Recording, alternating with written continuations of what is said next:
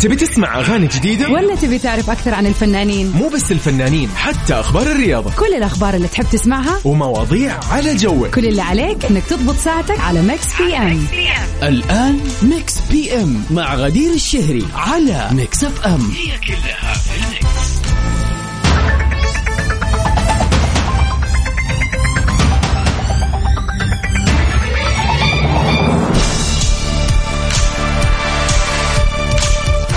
ويا هلا وسهلا فيكم أعزائنا المستمعين في كل مكان في حلقة جديدة من Mix PM. من خلف المايك وال control غدير الشهري معكم الليلة ليلة الاثنين الجميلة وبإذن الله كل ليلة. برنامجنا الفني المسائي اللي يجيكم كل يوم من الأحد للخميس من سبعة لتسعة آخر أخبار الفن والفنانين وأحلى وأجمل الأغاني وطبعا مسابقتنا اليومية. راح نحط لكم تتر مسلسل أو مقدمة أغنية أو أغنية آه عفوا من فيلم والمطلوب منكم تقولون إيش اسم هذا العمل الفني. تحية ليك يا أبو عبد الملك. أمس كان ال- المسلسل اللي بنشوفه سوا هو أو اللي عرضنا أغنيته تتر الليالي الحلمية. ولعلك يا أبو عبد الملك تحمست وخلاص بديت فيه. Mix PM معاكم كل يوم بإذن الله ومن خلف المايك معاكم غدير الشهري. فاصل بسيط لنقل أذان المغرب بتوقيت مكة المكرمة ومكملين.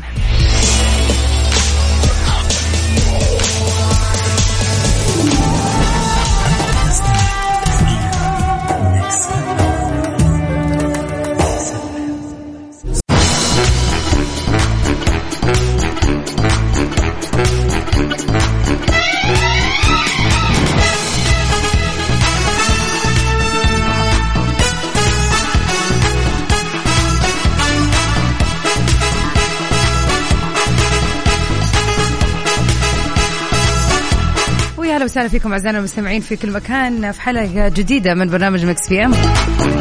من خلف ال mic وال control غدير الشهري معاكم. برنامجنا الخاص كذا لل خلينا نقول الفنانين الفن آخر الأخبار الفنية آخر الأعمال وأحلى وأجمل الأغاني.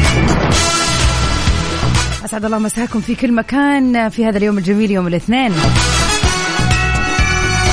ومن أخبارنا الفنية لليلة. فيلم أحمد زاهر بيرفع من دور السينما المصرية. خلينا نتعرف على السبب. جاءت نتائج عرض فيلم أحمد زاهر بعد عرضه في دور السينما مخيبة للأمال وحقق إيرادات ضعيفة وهزيلة. الأمر اللي دفع بدور العرض إنها ترفعه وتستبعده.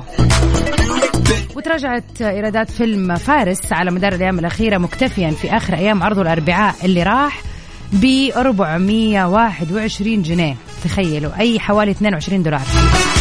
على الرغم من إنه هذه البطولة المطلقة الأولى لأحمد زاهر اللي شاركوا في البطولة الممثلين حسين فهمي صلاح عبد الله ومنى فضالي وعابد عناني ومحمد أبو النقا. واللي كان من تأليف حسام موسى وإخراج رؤوف عبد العزيز. وبيلعب فيه أحمد زاهر شخصية فارس بطل شعبي نشأ في أسرة طيبة صاحب أخلاق رياضي بيعمل في محطة بنزين الا انه بيدخل في صراع كبير مع رجال مع رجل أعمال صاحب سلطة ونفوذ لتقع بينهم مطاردات ومعارك وجرائم قتل بينما يجسد فهمي أو الممثل القدير حسين فهمي شخصية رجل أعمال الثري رشيد السويفي.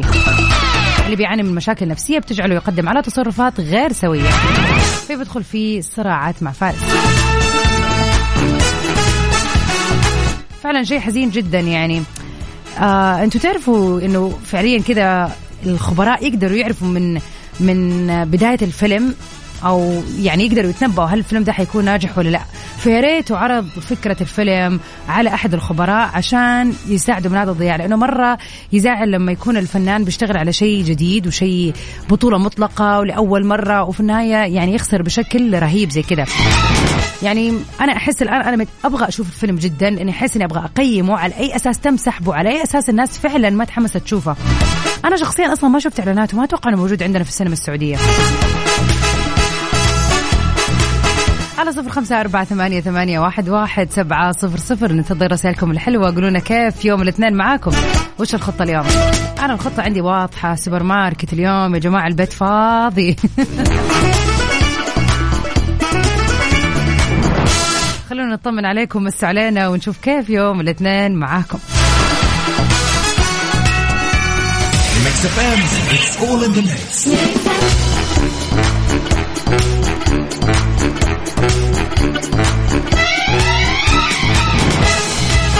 وعلى طاري الموسم الجميل موسم جدة في آخر أسبوع له.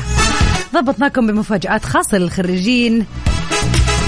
الناجح يقدر يرفع يده بكل فخر في السيتي ووك ضمن فعاليات موسم جدة. بإذن الله يوم الخميس القادم الموافق 30 من شهر يونيو ابتداء من الساعة 8 ونص مساء. فعالية الناجح يرفع يده هي مسيرة للخريجين راح تكون في منطقة ترفيهية تحبها كل العائلة تجارب حماسية وفعاليات منوعة وطبعا لا يخلو من الحلا والقهاوي اللذيذة. طبعا تقدروا تحجزوا تذاكركم عبر جدة season dot SA أو عن طريق تطبيق جدة season.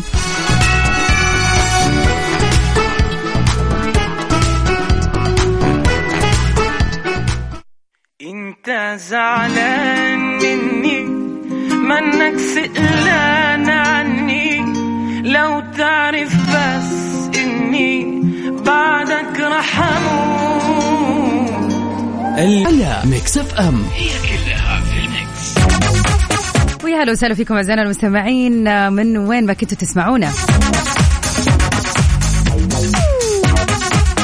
الحياة حلوة. هذا شيء يعني خلينا نقول أغلب الناس تتفق عليه وهي كلها وجهة نظر. أنت كيف تشوف الحياة؟ بس ما ننكر إنه بالرغم من حلاوة الحياة بالرغم من إنه الواحد يحاول يتفائل ويشوف أيام حلوة ويعدي يومه على قد ما يقدر بالذات إذا كان في فترة صعبة في حياته ويحاول يعديها بشكل كويس ممكن هذه الفترة يعني أو المشاعر اللي فيها يعني زي ما يقولوا آه تكون ظاهرة عليك أكثر. ولو انت كذا الآن قاعد تسمعني وتفكر في حياتك خلينا نقول من يوم ما صرت شخص واعي ومسؤول عن نفسك أكيد راح تلاحظ إنه رتم الحياة عمره ما كان مستمر أو ماشي في نفس الآلية. أصلا المشاعر ما حيكون لها طعم لو كان الموضوع كله أو الحياة كلها بنفس الرتم. يعني الواحد يحس بالفرح بعد الشقاء أو التعب بعد المذاكرة والليالي الطويلة من العلم والاختبارات يعني فرحة النجاح لها طعم غير. فدائما لازم يكون في يعني شيء آه، ما نبغى نقول سلبي بس شيء آه، يكون في توتر شوية عشان نحس بقيمة الإنجاز بعدها. وطبعا زي ما كنا بنقول في أيام كثير آه نقول خلينا متفائلين خلينا نفكر بالأشياء الكويسة نتعلم من التجارب وكل هذا الكلام. لكن فعليا أنت لما تطالع في شريط حياتك بتستوعب إنه فعلا كان في أيام صعبة عليك مرة. يعني في أيام كنت تحس إنه كيف راح أعدي هذه الأيام؟ أنا في أصعب ما بقول اسوء يعني نقول أصعب أيام حياتي وتعدي. يعني الحمد لله. هذه هي الحياة أصلا. هذا هذا الشيء الحلو فيها إنه ما في شيء يفضل على حاله. ومن التجارب اللي عديت فيها. اليوم راح نتكلم عن الناحية الثانية. ما نبغى نعرف أحسن التجارب ممكن هذا يكون في يوم ثاني لكن اليوم نبغى نعرف إيش هي أصعب التجارب واللي جدا خلينا نقول كان لها تأثير عليك بحيث أنك تعلمت من هذه التجربة. إيش التجربة اللي فعلا عديت فيها وحسيت بصعوبتها؟ وفعلا الأهم من هذا كله أنك تخلص هذه التجربة وتخرج منها وأنت متعلم شيء. هي المشكلة لما نعدي بتجارب صعبة ونفضل كما نحن عليه. هنا معناته ما بناخذ الرسالة المطلوبة من هذه التجربة. ممكن يكون الهدف منها إن إحنا نصبر أكثر نتعلم الصبر اللي إحنا ما نعرفه بمعنى الكلمة. وممكن يكون تغيير عادة فينا ما ما كنا شايفينها مثلا سيئة أو ما كنا حاسين بوجودها واستوعبنا إنه لازم تتغير.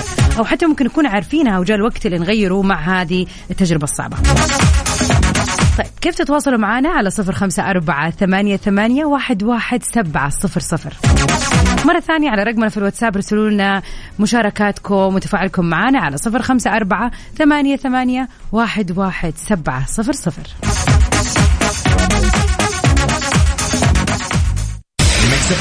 it's all in the mix.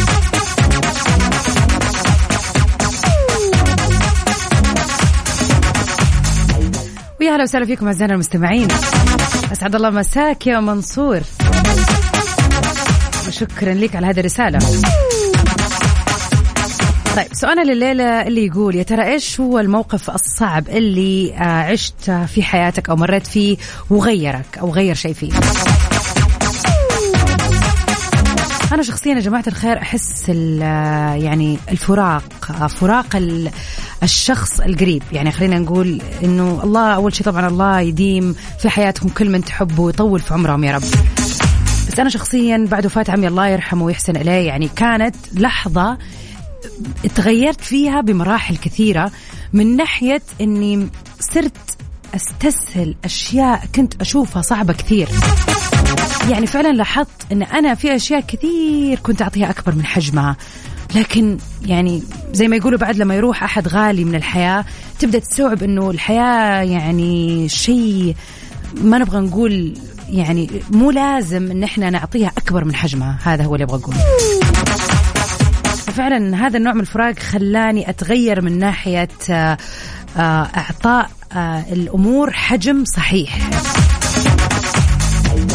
ودائما دائما لما الشيء يروح مني ايا كان سواء في العمل ولا آه خلينا نقول آه ما انتصرت في نقاش مع أحد ولا أي شيء زي كذا عادي يعني في الحياة أحس إنه أكيد ما حزعل. دائما يعني الزعل يكون المفروض آه خفيف. يعني ليش إحنا نزعل ونزعل نفسنا عن أشياء كثيرة؟ من جد ما تستاهل ان الواحد يزعل عشانها. ففعلا هذا الشيء جدا غيرني. طبعا الله يرحم موت المسلمين يا رب في كل مكان ويشفي مرضى المسلمين. على صفر خمسة أربعة ثمانية, ثمانية واحد, واحد سبعة صفر صفر. قولوا لنا إيش الموقف الصعب اللي غير فيكم أشياء في شخصيتكم.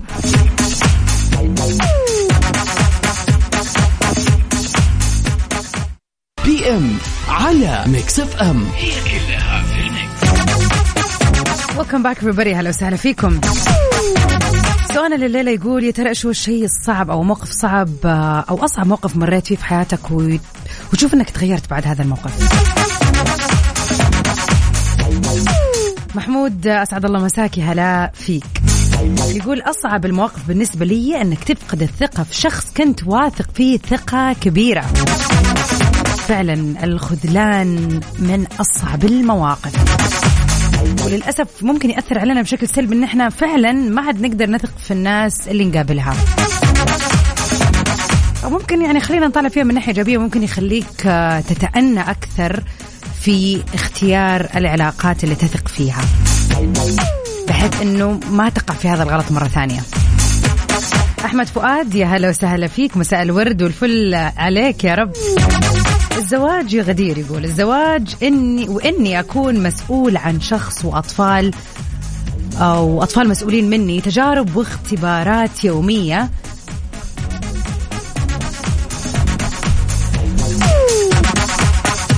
طبعا هذه الاختبارات اليومية بيقول إنها ما بتنتهيش وبتغير فيها وبتعلم كل يوم حاجة جديدة. وعمري ما ندمت مرة إني اخترت الحياة دي ولا عمري فكرت وقلت يا ريت. شاء الله عمرك ما تندم وإن شاء الله ربنا يعني يبارك لك في أسرتك. فاللي قادر أفهمه من كلامك يا أحمد إنه هي التجربة الحلوة الصعبة الاثنين مع بعض. لأنه هي فعلا صعبة كل يوم بتتعلم شيء كل يوم بتكتشف جانب في شخصيتك آه، عن طريق آه، تحمل المسؤولية طبعا. غير إنه طبعا هذا هو الجمال يعني جمال الأسرة طبعا وإحساس إنه يكون عندك شريك حياة مناسب ويكون عندك الأطفال اللي أنت يعني تكون مسؤول منهم. يعني أشوف أنا صراحة لسه ما اعيش هذا الإحساس ولكن أشوف حولي الأمهات والأبهات في العائلة مثلا أو من ناس قريبين مني كيف إنه يعني سبحان الله الطفل هذا يكون أو خلينا نقول الولد أو الصغير أو حتى هو كبير يعني هو منبع للحياة بالنسبة للوالدين. فبالرغم من أنه شيء صعب ومسؤولية إلا أنه سبحان الله ربنا بيعطي مشاعر جميلة مع هذه المسؤولية. على صفر خمسة أربعة ثمانية, ثمانية واحد, واحد سبعة صفر صفر. قولوا لنا إيش هي ترى أصعب تجربة مريتوا فيها وإيش غيرت فيكم؟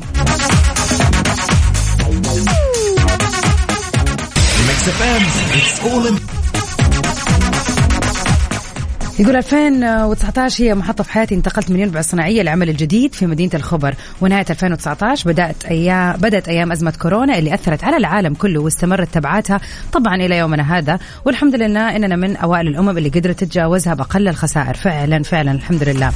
بعد مرور قرابة السنة وبسبب تأثر العمل اللي أعمل فيه اقتصاديا تم تسريح نسبة كبيرة من الموظفين إلى أكفاء وكنت أنا من ضمنهم. جلست أسبوعين كاملين ألف حول نفسي ودماغي تلف أدور على شغل البيت اللي اشتريته وجالس ادفع اقساط للبنك. زوجتي وعيالي اللي هجولتهم من بلد لبلد عشان أستقر وأعيشهم واعي وايوه أعيشهم عيشة كريمة. إيش حسوي لما أكون عاطل بلا عمل؟ كل هذا وأكثر كان شاغل بالي.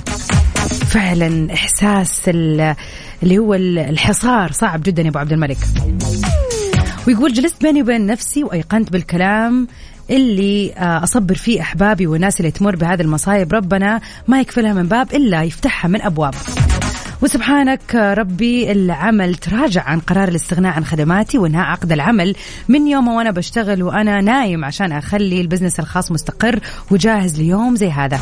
والتجربة الأصعب في حياتي وما تجاوزتها إلى هذه اللحظة من 10 يناير 2018 وهو فراق ماما الله يغفر لها ويرحم لها ويسكنها فسيح جناتها. اللهم آمين. الله يرحمها ويعني ويجمعنا بكل اللي فارقونا يا رب في الجنة.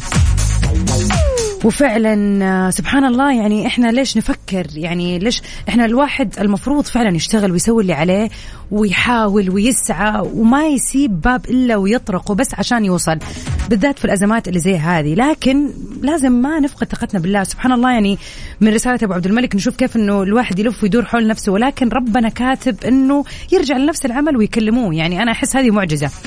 كونهم استغنوا عن الناس خلاص حيكلموا مين ولا مين. لكن يعني كان هو أحد من الأشخاص اللي قرروا ويعني إنهم يرجعوه ورجع سبحان الله.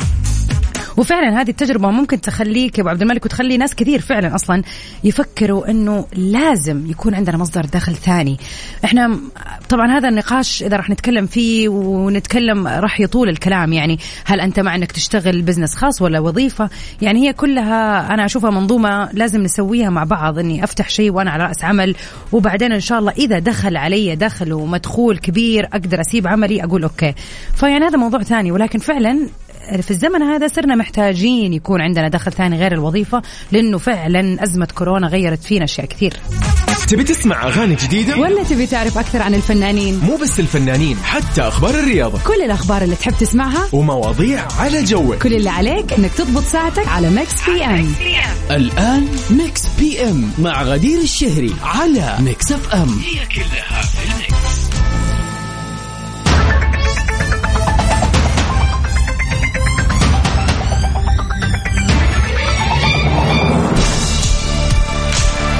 welcome back everybody هلا وسهلا فيكم مكملين سوا عبر أثير إذاعة Mix FM في برنامج Mix PM من خلف ال mic وال control غدير الشهري معاكم الليلة ليلة الاثنين وكل ليلة بإذن الله. برنامجنا المختص بالفن والفنانين والأغاني. ساعتين جميلة من الساعة 7 للساعة 9 المساء كل يوم من الأحد للخميس. آخر أخبار الفن والفنانين أحلى الأغاني وال remixes وطبعا تتر المسلسل اللي نحطه كل خلينا نقول حلقة والمطلوب منكم أنكم تقولون لنا إيش هو هذا العمل الفني.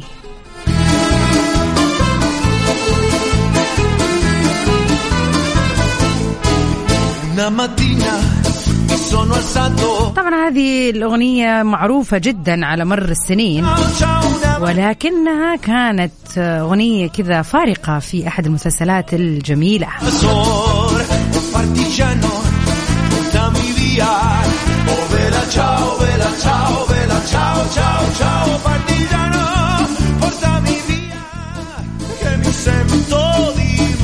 مسلسل سرقة وسطو أسباني من إنتاج شركة أنتينا 3 هو عبارة عن سلسلة محدودة بثت لخمسة مواسم وعرض لأول مرة في 2017 وآخر مرة في 2021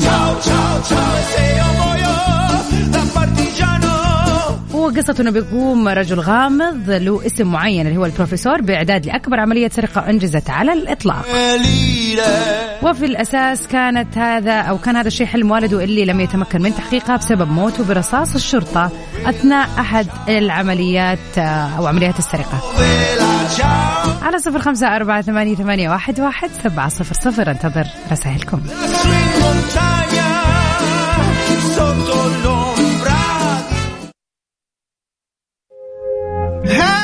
سنة جسمي في جميل والدلع والدلع شايلة الدنيا مفاجآت بتبلنا من البدايات.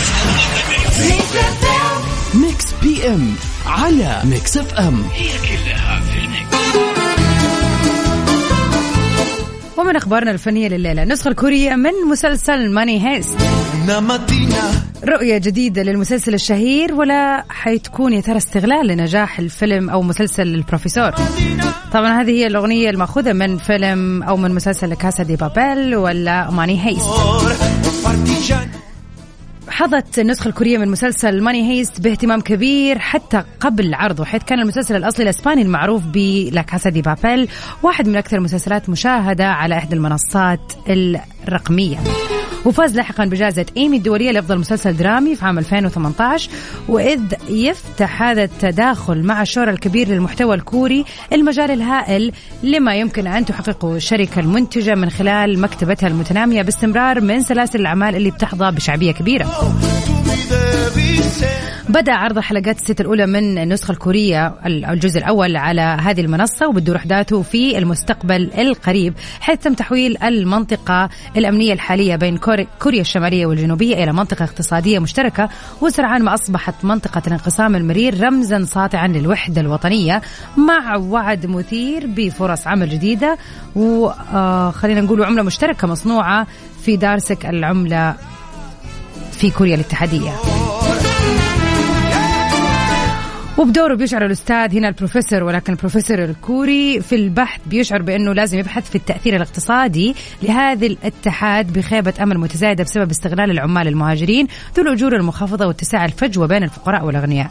ليقوم على أثر ذا الموضوع بتكوين فريق مكون من ثمانية لصوص للقيام بعملية سرقة بقيمة 4 تريليون وان في مركز سك العملة في كوريا الاتحادية الجديدة. يعني هذه هي خلينا نقول الفكرة المجملة من المسلسل. طبعا هي مأخوذة كنفس ال concept الأساسي ولكن أنا متوقع أن يكون في اختلاف في الأحداث واختلاف التفاصيل بحسب طبعا اختلاف الثقافة والبيئة.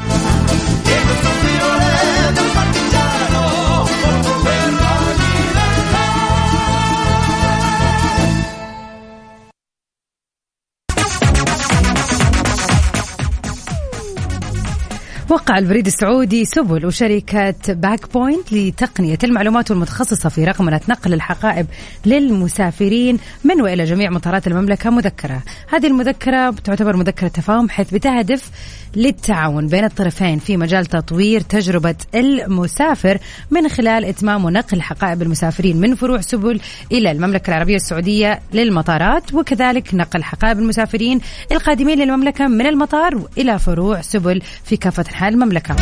يعني تجربة السفر هذه الفترة صارت ولا أسهل مع هذا خلينا نقول الانضمام الرهيب ل Bag Point والبريد السعودي سبل. Mix PM على Mix FM. هي كلها في ال mix ويا أهلا وسهلا فيكم أعزائنا المستمعين في كل مكان. نمسي عليك يا عمر البلالي. وفعلا أنت اللي جبت المسلسل صح؟ أكيد مسلسل البروفيسور La Casa de Papel. وردا على سؤالنا اللي يقول يا ترى إيش هي أصعب المواقف اللي عديت فيها واللي غيرتك طبعا ظروف على قول عمر البلالي ظروف بعد كورونا بس الحمد لله. فعلا هذه تعتبر من أصعب المراحل اللي عدوا فيها ناس كثير. كلنا تقريبا مو ناس يعني دونا عن أحد. فعلا العالم كله عدى في أيام صعبة. سواء كان من فقد احبه لا سمح الله بسبب المرض ولا من خلينا نقول الناس اللي مرضت في البداية أو الخوف ولا الرهبة اللي جتنا ولا طبعا الأزمة الاقتصادية اللي تلت الموضوع. فعلا موضوع صعب. الله يعني يكفينا الشر يا رب إن شاء الله. ولا تنعاد يا رب.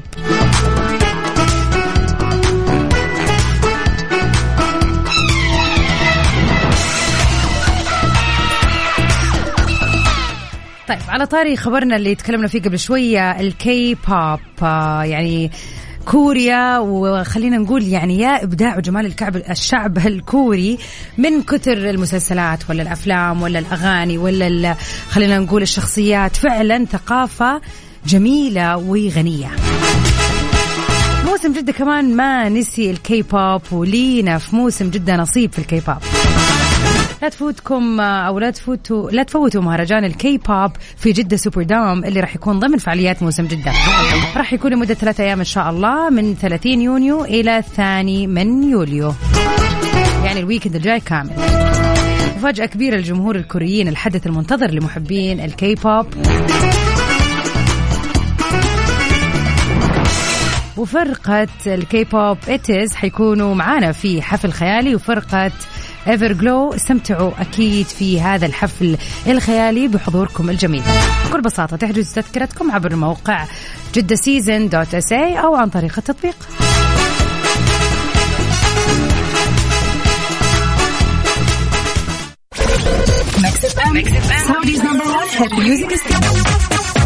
ونذكركم أعزائنا المستمعين أنه تاريخ الليلة هو السابع والعشرين من شهر يونيو.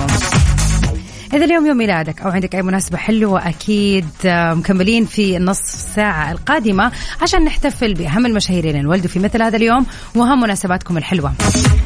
إذا كانت ذكرى زواج يوم ميلاد حفل تخرج أي شيء أنت حابب تحتفل فيه وحاسس إنك اليوم مستانس عشانه جيت للمكان المناسب في الوقت الصح. تواصلوا معنا على صفر خمسة أربعة ثمانية, ثمانية واحد, واحد سبعة صفر صفر.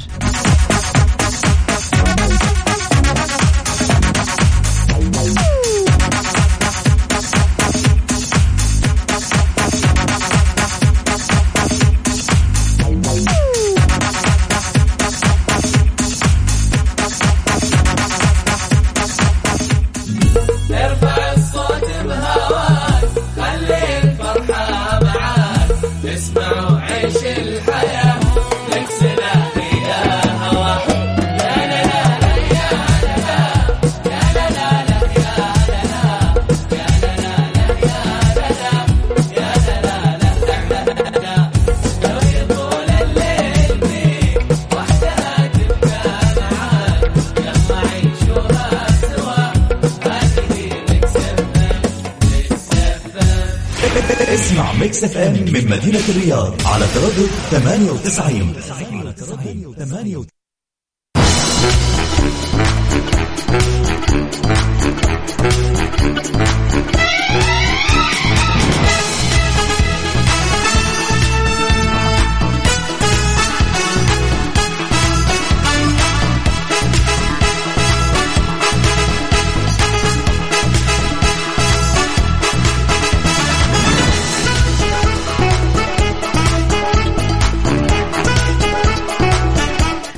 يفوتكم حفل الفنانين جورج وسوف وصابر الرباعي في مسرح ليالينا ضمن فعاليات موسم جدة في يوم التاسع والعشرين من يونيو.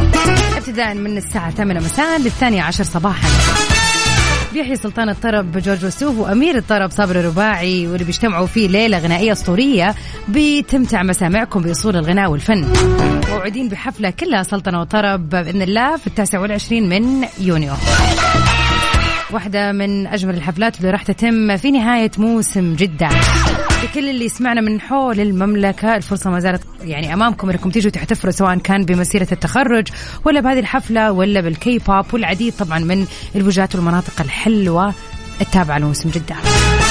أكيد تقدروا تحجزوا تذاكركم عبر موقع الموسم Jeddah Season dot SA ولا أكيد عن طريق التطبيق.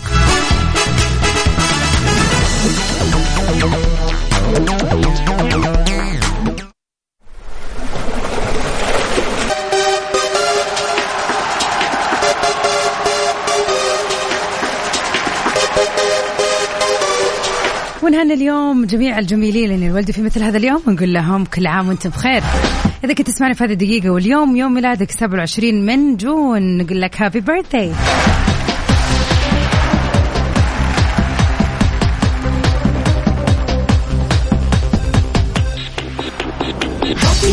ونقول happy birthday اليوم لأهم المشاهير اللي انولدوا في مثل هذا اليوم.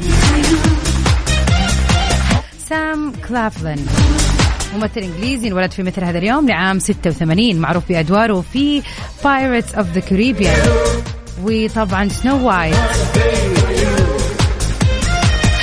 the Huntsman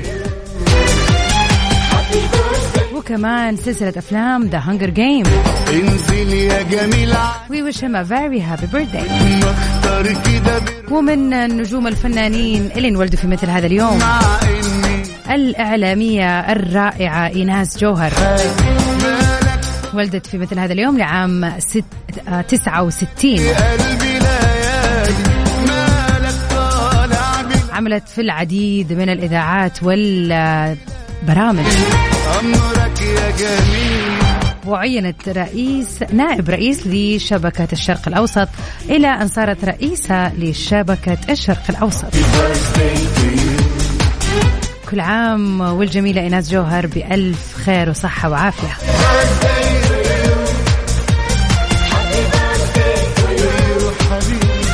ولكل اللي ولدوا اليوم happy birthday إن شاء الله يومكم سعيد وسنتكم أسعد وحياتكم كلها سعادة يا رب. كذا طبعا نكون وصلنا لنهاية حلقتنا الليلة في برنامج Mix PM لكن مكملة معاكم من 9 ل 10 في سهرة حلوة لل International Top 10 Hits خليكم معانا لا تروحوا البعيد. تاخد ما بتدي راشد الماجد يقول حسك وجود